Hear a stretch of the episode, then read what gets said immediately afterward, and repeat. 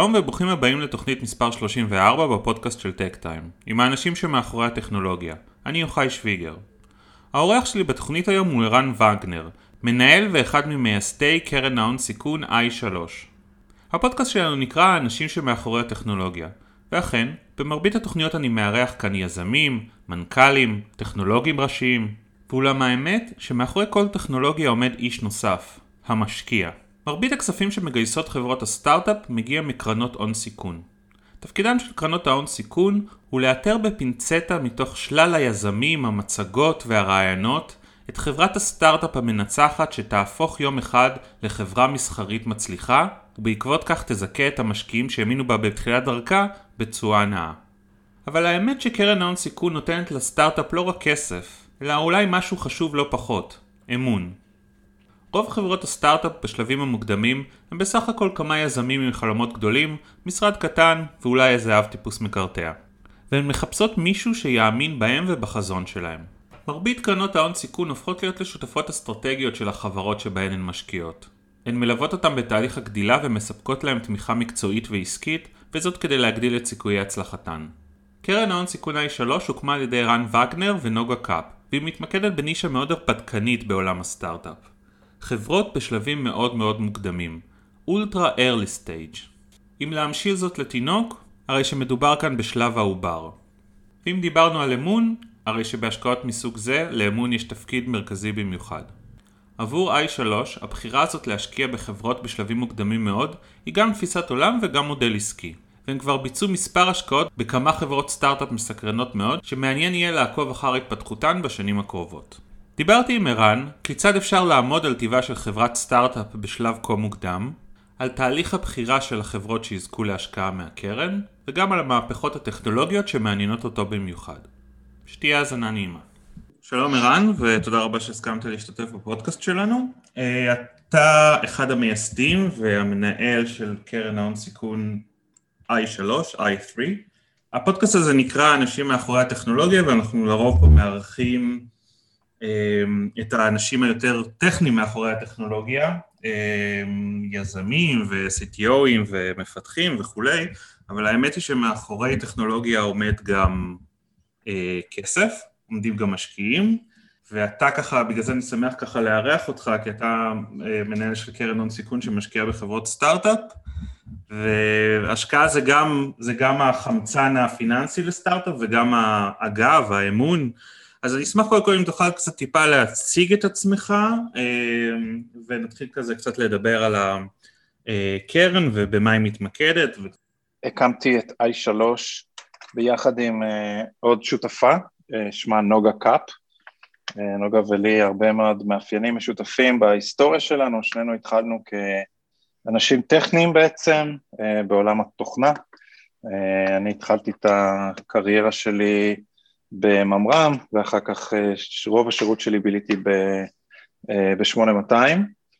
אה, מפיתוח תוכנה בעצם באיזשהו שלב אה, בעצם עברתי ליזמות, ובאותו השלב כבר ככה, לצערי הרב, אגב, במשך שנים, נטשתי קצת את הפן הטכנולוגי עצמו, לטובת הפן היותר עסקי וניהולי, אה, ואחרי קריירה של אה, כמה עשרות שנים, לא נגיד כמה, אה, בעצם הגעתי לעולם ההשקעות. התחלתי בפעם הראשונה בעצם שעברתי מצד לצד, זה היה ב-2011, חזרתי אחרי מגורים של הרבה שנים בארצות הברית, בסיליקון וואלי, חזרתי ל- לישראל והצטרפתי לצוות של ג'מיני, שם בעצם הייתה לי את ההזדמנות אה, לעבוד עם אנשים. ג'מיני זו קרן הון סיכון אה, מהראשונות שנוסדו בארץ, מי שייסד אותה במקור, או אחד, אחד משני המייסדים והמנה, ואחד מהמנהלים שלה היום קוראים לו יוסי סלע, אה, הייתה אחת מהקרנות יוזמה הראשונות שקמו בישראל, בעצם באמת מאבות ההון סיכון בארץ, כך שהיה לי באמת הזדמנות נהדרת ללמוד ממנו וגם משותפים אחרים בקרן, אה, מה זה הון סיכון ומה ההבדל בין אה, לחיות בעולם של אופרציה בעצם לעבור לעולם של השקעות. כמו כל משקיע, אה, נהניתי לעבוד עם היזמים שאני בעצמי בחרתי ועבדתי איתם, אה, דוגמאות אה, ככה מוכרות, זה מוביט שנמכרה בשנה שעברה לאינטל בלא מעט כסף, וווקמי שכרגע שמועות בשוק מספרות שהיא על סף הנפקה, בוולואציה מכובדת. אה, ועוד חברה בשם ווקה, שהיא הצעירה מבין השלוש, אה, והיא גם כן חברת storage אה, מדהימה. אז זה הביא אותי ככה ב-2016, לאחר אינטראקציה עם אוסף של גופים שככה היו מעוניינים לעשות משהו ביחד, מייקרוסופט, קוואלקום, GE, טאטה, איזשהו אוסף מאוד מאוד מעניין של חברות רב-לאומיות, שרצו להבין קצת יותר מה קורה בתחום ה-IoT בישראל, ואז אה, נוגה ואני בעצם בנינו בשבילם את הקרן המאוד מיוחדת שלנו, את הקרן הראשונה של, אה, של i3. אה, נוגה ואני כרגע מתחילים את הצעדים כדי לגייס את הקרן השנייה של i3, mm-hmm. לא בהכרח יהיו לה את אותם המשקיעים, אבל אנחנו נמשיך כמובן להתפקס בדברים שאנחנו אוהבים, וזה השלבים המאוד מאוד מוקדמים של, של יוזמות, אה, בתחומים שהם אה, עתירי טכנולוגיה. אתם מצהירים לעצמכם כמי שמשקיעים בשלב ה-Presid או early press או really early stage, very early stage כזה. אז קודם אז, אז כל תספר לנו מה זה אומר, איך, איך נראית חברת סטארט-אפ במצב כזה, ואחרי זה תנסה להסביר לנו למה להשקיע בחברות במצב כל כך אה, ראשוני ובריא, אז קודם כל, מה זה חברה בשלב הזה? אה, זה range שלם של אפשרויות. זה יכול להיות אה, שני יזמים שעדיין עובדים בצ'ק פוינט, אני אשתמש בדוגמאות ספציפיות כדי ככה okay. אוקיי. אה, להעשיר את זה ושזה לא יהיה מאוד תיאורטי, אז כל פעם אני אבחר איזושהי חברה שלנו ו... ואני אתן את הדוגמה איתה. אז זה יכול להיות שני יזמים שעובדים עדיין בצ'ק פוינט, ויש להם איזשהו רעיון לעשות משהו שקשור לתחום שבו הם אה, מתמחים. אה, במקרה הזה, החברה שהיום אה, כולם, או מי שמכיר, מכיר בשם, חברה בשם Frontegg, ובאים להתייעץ איך בונים סטארט-אפ, ומה זה אומר, וכמה כסף לגייס, ומתי לעשות את זה. ואנחנו פתוחים לשבת עם, לשבת עם, עם, עם אנשים מוכשרים בכל שלב, אפילו שעדיין באמת אפילו אין להם את הפרזנטציה הראשונית שנדרשת כדי לגייס כסף, אה, ולאחר עבודה משותפת לפעמים זה יכול לקחת אפילו אה, שבועות וחודשים עד שבעצם הם מבשילים אה, ומוכנים לקחת את הצעד הזה של להתפטר מהעבודה שלהם ולהתחיל לעבוד על, על סטארט-אפ. בקצה השני של רמת הבשלות, זו חברה בשם זן סיטי, זן סיטי הייתה ההשקעה הראשונה שלנו ב-i3. בשלב שבו נוגה, השותפה שלי, פגשה אותם, אה, היה להם בעצם כבר איזשהו MVP, אה, MVP שרץ כבר אה, עם שניים, שלושה לקוחות. זן סיטי מוכרת לערים מוצר שמאפשר להם לדעת בצורה מאוד מדויקת מה התושבים שלהם חושבים על תוכניות העירייה השונות, על שירותי העירייה השונים, ומה העירייה צריכה לעשות. הצורה שבה הוא עושה את זה זה על ידי זה שהוא לוקח אינפורמציה מכל מקור גלוי אפשרי, זה יכול להיות פייסבוק, זה יכול להיות נקסטדור, זה יכול להיות מערכת ה-CRM של העיר, שבה מוקלדים פרטי שיחות של אנשים שמתקשרים להתלונן במוקד, ובעצם לקחת את כל הדברים האלה ביחד ולספק לעירייה ראייה מאוד רחבה של uh, מה, מה הבאז, מה אנשים אומרים, מה אנשים חושבים.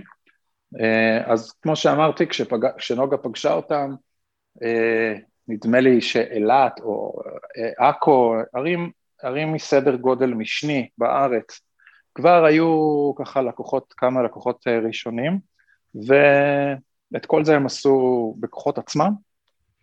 כשהם הרגישו שהם רוצים לגייס כסף, אז בעצם ניגשו והשקענו בהם. באמצע יש באמת מגוון מאוד רחב, אולי אני אתן עוד דוגמה נוספת של חברה בשם פריזמה פוטוניקס, שמייצרת אה, סנסורים מאוד מיוחדים שיושבים על, אה, בעצם הופכים סיב אופטי לסנסור אקוסטי. אה, כשאנחנו, כשאני פגשתי אותם, היה להם מין סימולציה על מטלאב של אה, איך התנהג מוצר כזה ומה היו היכולות שלו, ובעצם ישבנו איתם במשך מספר שבועות על מנת בעצם לעבד את התוכנית העסקית או את, ה, את האסטרטגיה העסקית של מה, מה עושים עם הכסף הראשוני. יש עוד מלא דוגמאות, אני מניח ש... למה אני רוצה שסיב... למה אני רוצה להפוך סיב אופטי לסנסור אקוסטי? רק תן לנו, תמחיש לנו יישומים אפשריים. או, שאלה נפלאה. אז יישום אחד, שהאמת שאני מספר את זה לאנשים, אז אנשים מיד אה, אומרים, וואלה, אי אפשר להשתמש בזה במחסום בעזה, אה, אה, ואכן, אחד השימושים של טכנולוגיה כזאת הוא בקרת גבולות. אתה יכול באמצעות סיב אופטי שמאוד קל וזול אה, לפרוס אותו לאורך של אה, עשרות ומאות קילומטרים, אה, אתה יכול בעצם באמצעות סנסור אחד לנטר עד כמאה קילומטר mm. ובעצם לשמוע כל דבר שקורה בסביבות, ה... בסביבות הסיב. בעולם האזרחי זה בעצם משימת ניטור של infrastructure ברמה לאומית, אנחנו קוראים לזה national critical infrastructure. אם אתה חושב על רשת הובלת החשמל, רשת הובלת גז, מים, נפט, mm-hmm.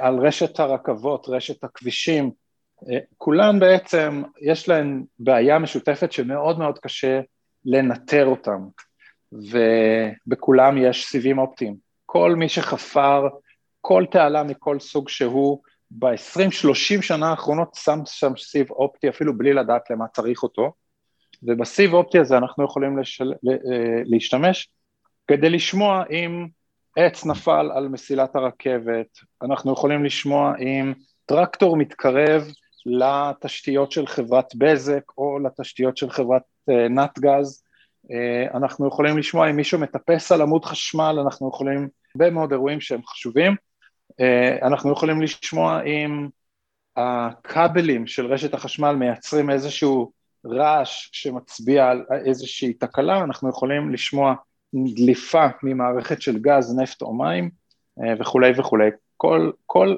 כמעט כל אירוע של אה, תחזוקה, אה, אופרציה והגנה על התשתיות האלה, יש לו איזושהי חתימה קולית שאנחנו יכולים באמצעות המערכת הסופר סופר סופר רגישה הזאתי לקלוט, לסווג ולהודיע. מעניין מאוד. זה, זה נשמע מהדוגמאות שהבאת, אולי בעיקר מהדוגמה הראשונה זה של שוב, בגלל שאנחנו מדברים על אה, סטארט-אפים בשלבים מאוד מאוד מאוד מוקדמים, זה נשמע כאילו עיקר ההתרשמות שלך היא מהאנשים שעומדים מאחורי הסטארט-אפ? כלומר, ממה אתה, ממה אתה מתרשם בעצם? שאלה נהדרת. תראה, בעיקרון, כל VC שתשאל אותו מה האלמנטים שמשפיעים על, ההשקע, על, ה, על ההחלטה שלו, הוא יגיד לך שיש בגדול שלושה נושאים עיקריים. יש את השוק, יש את הטכנולוגיה או את המוצר או את הפתרון, ויש את הצוות. Mm-hmm. והוויכוח ניטש, אתה יודע, מה יותר חשוב, אה, הצוות או השוק, מה יותר חשוב, המוצר או הצוות, אה, ואין ספק שבשלב שבו אנחנו כרגע, עליו אנחנו כרגע מדברים, הצוות הוא הנכס העיקרי של החברה. אה, כל השאר זה בדרך כלל היפותזות, אולי הוכחה קלה כזאת או אחרת. אז קודם כל אני מסכים איתך שהצוות הוא אה, אלמנט אה, מאוד מאוד חשוב. יש, אני חושב, פעמים שבהם משקיעים מסוימים יחליטו להשקיע בצוות מסוים, אפילו בלי רעיון.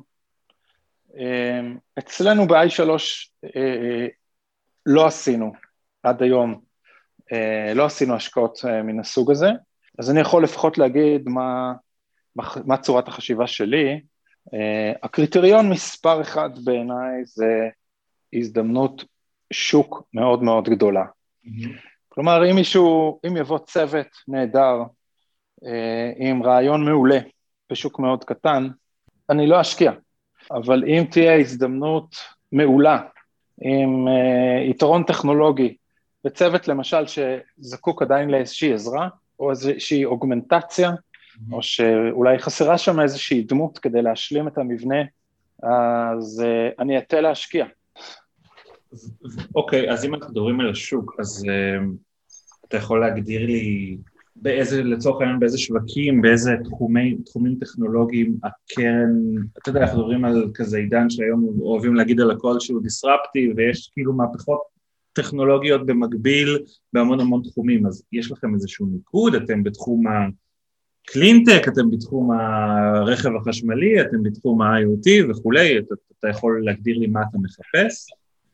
אז אין, אין לנו הגדרה מראש של תחום שאנחנו מתמקדים בו, אנחנו בעצם מחפשים הזדמנויות בכל עולם שעובר אה, דיגיטליזציה, אנחנו מחפשים שווקים אה, שבהם תהליך הדיגיטליזציה אה, אולי הוא בשלבים שהם אה, יחסית ראשוניים. אתן לכם דוגמה, השקענו בחברה בשם ננו פבריקה, ננו פבריקה מתעסקת בהדפסת תלת מימד בגדלים מאוד קטנים, שבאה לעשות בעצם מהפכה בעולם של, של, של ייצור ממוזער. Mm-hmm. אז בעצם כשאנחנו רואים כזאת הזדמנות, אנחנו אומרים, אוקיי, עולם המניפקצ'רינג עולם הייצור, עולם האלקטרוניקה, צריך כל הזמן, כמובן שהדברים הם קצת יותר מורכבים, אני מנסה פה לפשט, אבל כל, הפ... כל טלפון, כל מכשיר אחר, אנחנו רוצים לדחוס לו יותר רכיבים, אנחנו צריכים להקטין הרבה מאוד מה, מהאלמנטים הפיזיים שנכנסים לתוכם, מאנטנות ועד לסתם כיסויי פלסטיק. Mm-hmm. בעצם היכולת שלנו להדפיס בתלת מימד, אה, דברים שבעצם מגיעים ל, לרזולוציות של מיקרון, זה יכולת שבעצם יכולה להפוך את תעשיית ה... מה שנקרא precision manufacturing ליעילה יותר. אז זו אה. דוגמה לעולם שבו תהליך הדיגיטליזציה הוא רק מתחיל, עד היום דיברו הרבה על אה, הדפסת תלת מימד לייצור של מודלים או אה, דברים של, בשביל, בשביל הדיזיינרים, בשביל אנשים שמפתחים מוצרים חדשים, פה אנחנו כבר נכנסים לעולם של שינוי התעשייה שמייצרת אה, את המוצרים, ולכן התלהבנו מזה מאוד. כן, מדהים. אתה יכול קצת לספר לנו ממה מורכב הצוות של הקרן שעושה את האיוולואציה לאנשים, להזדמנות, לצרכים שלהם? מי אנשי המקצוע שעוזרים לך להבין האם יש שוק, מה גודל השוק, האם יש התכנות טכנולוגית, מה זה מצריך, איזה סוג של השקעה? אז בעיקרון אה, אין אנשי צוות כאלה. אה, יש קרנות, אה, יש קרנות גדולות יותר, שבהן הצוות הוא יותר מעובה ויש בו כל מיני אנשים מכל מיני דיסציפלינות. בקרן קטנה כמו שלנו, שמתעסקת בשלבים הכי ראשוניים, בדרך כלל הצוות הוא צוות מאוד מצומצם, ואנחנו משתמשים באנשים מחוץ לצוות כדי לעזור לנו בכל הפעולות שאתה ציינת. באופן אה, ברור, הרי אנחנו לא יכולים להיות מומחים בכל דבר, אה, למרות שאני חושב שחלק מהתכונות שנדרשות למשקיע שמשקיע בשלבים האלה זה סקרנות כדי להיכנס וכן ללמוד עד לעומק מסוים את, ה, את הנושאים שבהם הוא עוסק, אז יכול להגיד שאני מבין היום יותר באלקטרואופטיקה מאשר לפני ארבע שנים כשהתחלנו את את i3, כי גם פריזמה פוטוניקס וגם ננו פבריקה, שתיהן עוסקות בעולמות של, של אלקטרואופטיקה. אני uh, השתמשתי כדי לעשות את האיוולואציה באנשים מהאקדמיה, uh, השתמשתי כדי לעשות את האיוולואציה באנשים מתעשיית ההדפסה תלת מימד, uh, ובעצם היכולת שלך לזהות אנשים מתאימים ולזהות uh, מובילי דעה ולזהות גורמים טכנולוגיים שיכולים לעזור לך אה, בעצם לעשות את האססמנט הזה, זה משהו שהוא אה, קריטי כדי שתוכל לעשות את העבודה. בתוך הצוות של הקרן יש לנו בעצם, אולי אנשים מתפלאים לשמוע, אנחנו בסך הכל, בסך הכל אנחנו אה, ארבעה אנשים, יש לנו את שני השותפים שבעצם עושים את העסקאות, זה נוגה ואני, אסושייט ומנהלת אדמיניסטרטיבית, זה מבנה הקרן שלנו.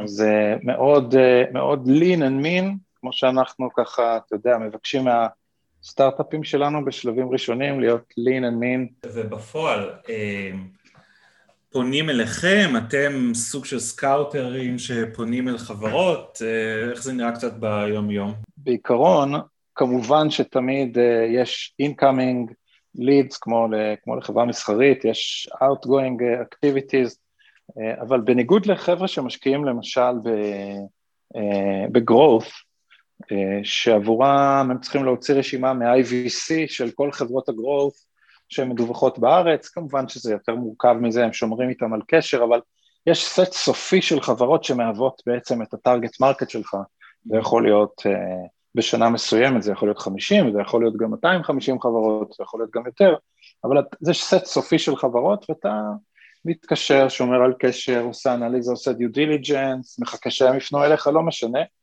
אצלנו בעצם אנחנו מדברים על אוכלוסייה כמעט אינסופית של יזמים, אוכלוסייה כמעט אינסופית של חבר'ה שמשתחררים אה, מהצבא כל שנה, לפעמים אפילו יותר מוקדם, וחושבים להקים סטארט-אפ, ולכן חשוב מאוד אה, בשבילנו אה, להיות נוכחים בשוק, להיות נוכחים באקסלרטורים, בעצם לעזור לאקסלרטורים, אנחנו נותנים הרצאות בכל מיני מקומות, אנחנו מנסים ככה לקדם את עצמנו בכל מיני אירועים כדי להיחשף לאנשים שידעו על קיומנו כדי שברגע שיעלה להם הרעיון, הם יגיעו אלינו. All in all, אני יכול להגיד שאנחנו רואים בין 400 ל-500 מיזמים חדשים בכל שנה, וחלקם אנחנו uh, חושבים שאולי לא מתאימים, חלקם יותר מתאימים ואנחנו קצת יותר מעמיקים. בסופו של דבר, אבל uh, חשוב לציין שמתוך 400 או 500 חברות שאנחנו רואים כל שנה, אנחנו משקיעים בין שתיים לארבע חברות. זאת אומרת, אה, לפעמים אני אוהב להגיד שתפקיד של ה-VC הוא להגיד לא בצורה נחמדה, כי זה מה שהוא עושה 99.5% מה, מהמקרים, אה, לטוב ולרע. ו- ומה יקרה אם אה, תראה עוד חמש שנים איזה מישהו שאמרת לו לא, עושה איזה הנפקה לפי, בנסדק לפי שווי של עשר מיליארד? אה, אז קודם כל זה לא מה יקרה אם, זה בוודאות קורה, זאת אומרת זה לא, אה, זה לא תיאורטי בכלל. אמר לי, אה, אמר לי יוסי סלע פעם משפט כשהתחלתי ושאלתי אותו את אותה שאלה שאתה עכשיו שואל אותי, שאלתי אותו יוסי ומה יקרה אם אני מפספס ו... ואחר כך אנחנו רואים שזה... אז, אז, אז הוא ענה לי תשובה מאוד מעניינת, הוא אמר לי אל תצטער על עסקה שלא עשית, כי יהיו לך מספיק עסקאות שעשית להצטער עליהן.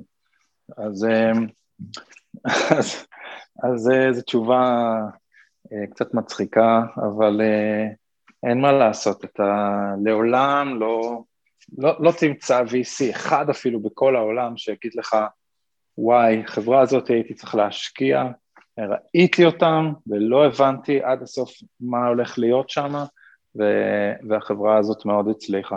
כן. זה, לא, זה בכלל לא שאלה תיאורטית. כן.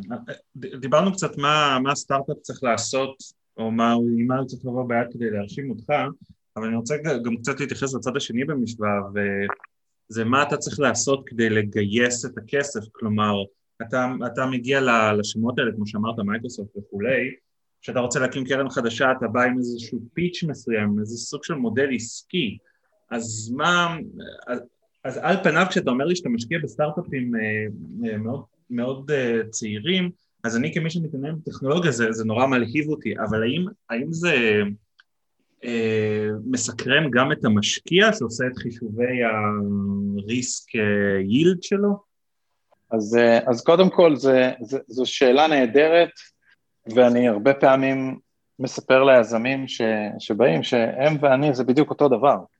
אני בדיוק כמוהם צריך פעם בכמה זמן לבנות פרזנטציה, להציג את התזה שלי, להציג את היכולות שלי, את ה-past performance שלי, אה, וללכת לגופים שמשקיעים בגופים כמוני, אה, ולשכנע אותם שישראל זה מקום טוב לעשות ביזנס, זה היום כמובן כבר הרבה יותר פשוט מאשר אה, בעבר.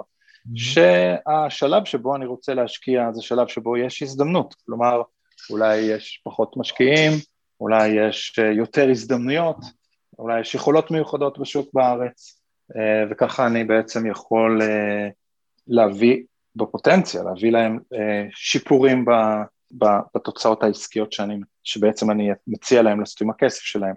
והדבר האחרון זה בעצם אולי שיטות מיוחדות או פוקוס מיוחד שיש לי על סגמנט של השוק, אולי איזושהי צורת עבודה ייחודית שהיא ייחודית לי.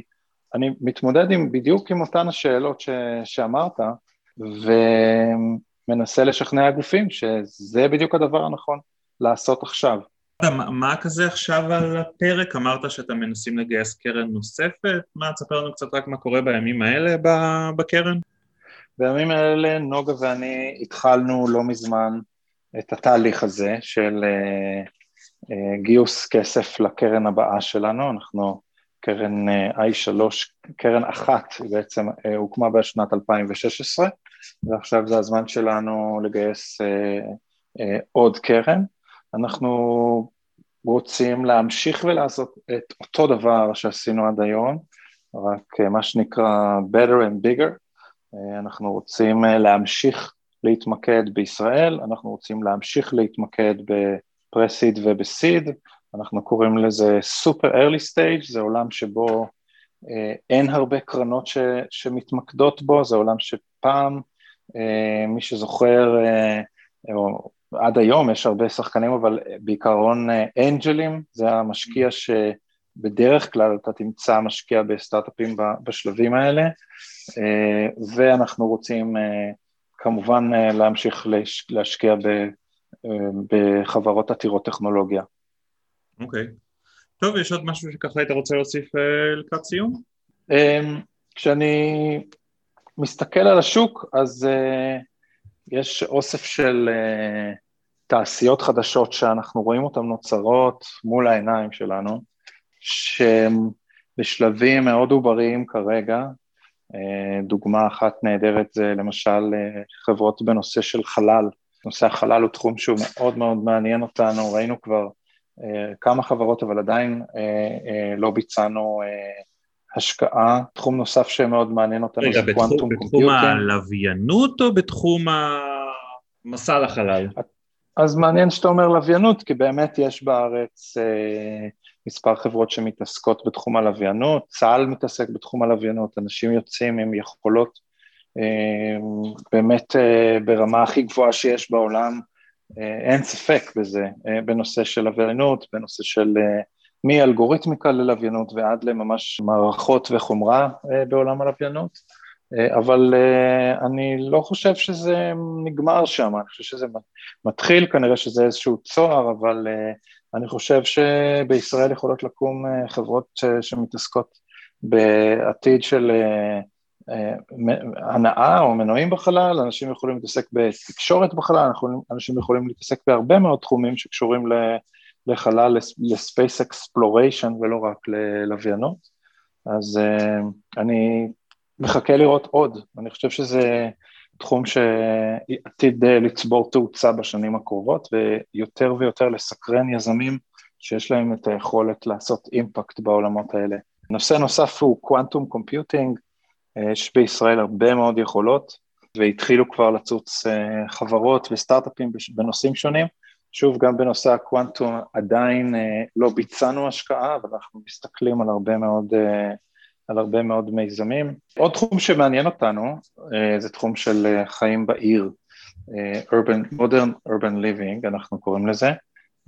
אז מעבר למה שקורה היום בסמארט סיטי, כלומר דברים שקשורים לאיך מנהלי העיר משפרים אותה, אנחנו רואים גם הרבה מאוד שינויים חדשים שקורים בעיר בצורה שבה אנשים חיים. עשינו השקעה לא מזמן בחברה בשם טולו, שמאפשרת לאנשים בעצם לא לקנות אה, שואב אבק, לא, לא לקנות מנקי תריסים, לא לקנות אה, אפילו שולחן וכיסאות לאירוח, כי הכל נמצא באיזשהו חדר משותף בבניין וניתן להעלות אותו לדירה כשצריך ולפנות אותו מהדירה כשלא צריך ולשלם לפי שעה. אז זה, דוגמה לתגובה, טכנו, לתגובה שמתאפשרת בגלל שיש היום טכנולוגיות לעקוב אחרי הדברים האלה אה, ומאפשרת לאנשים שהטרנד הוא שגרים בדירות הולכות וקטנות אה, בעצם לשמור את הדירה נקייה מכל מיני אביזרים שאנחנו אוספים והם תופסים לנו המון מקום. כל הנושא של משלוחי אוכל, כל דברים שקורים היום בסביבות האורבניות שגדלות ממיליוני אנשים למאות מיליוני אנשים,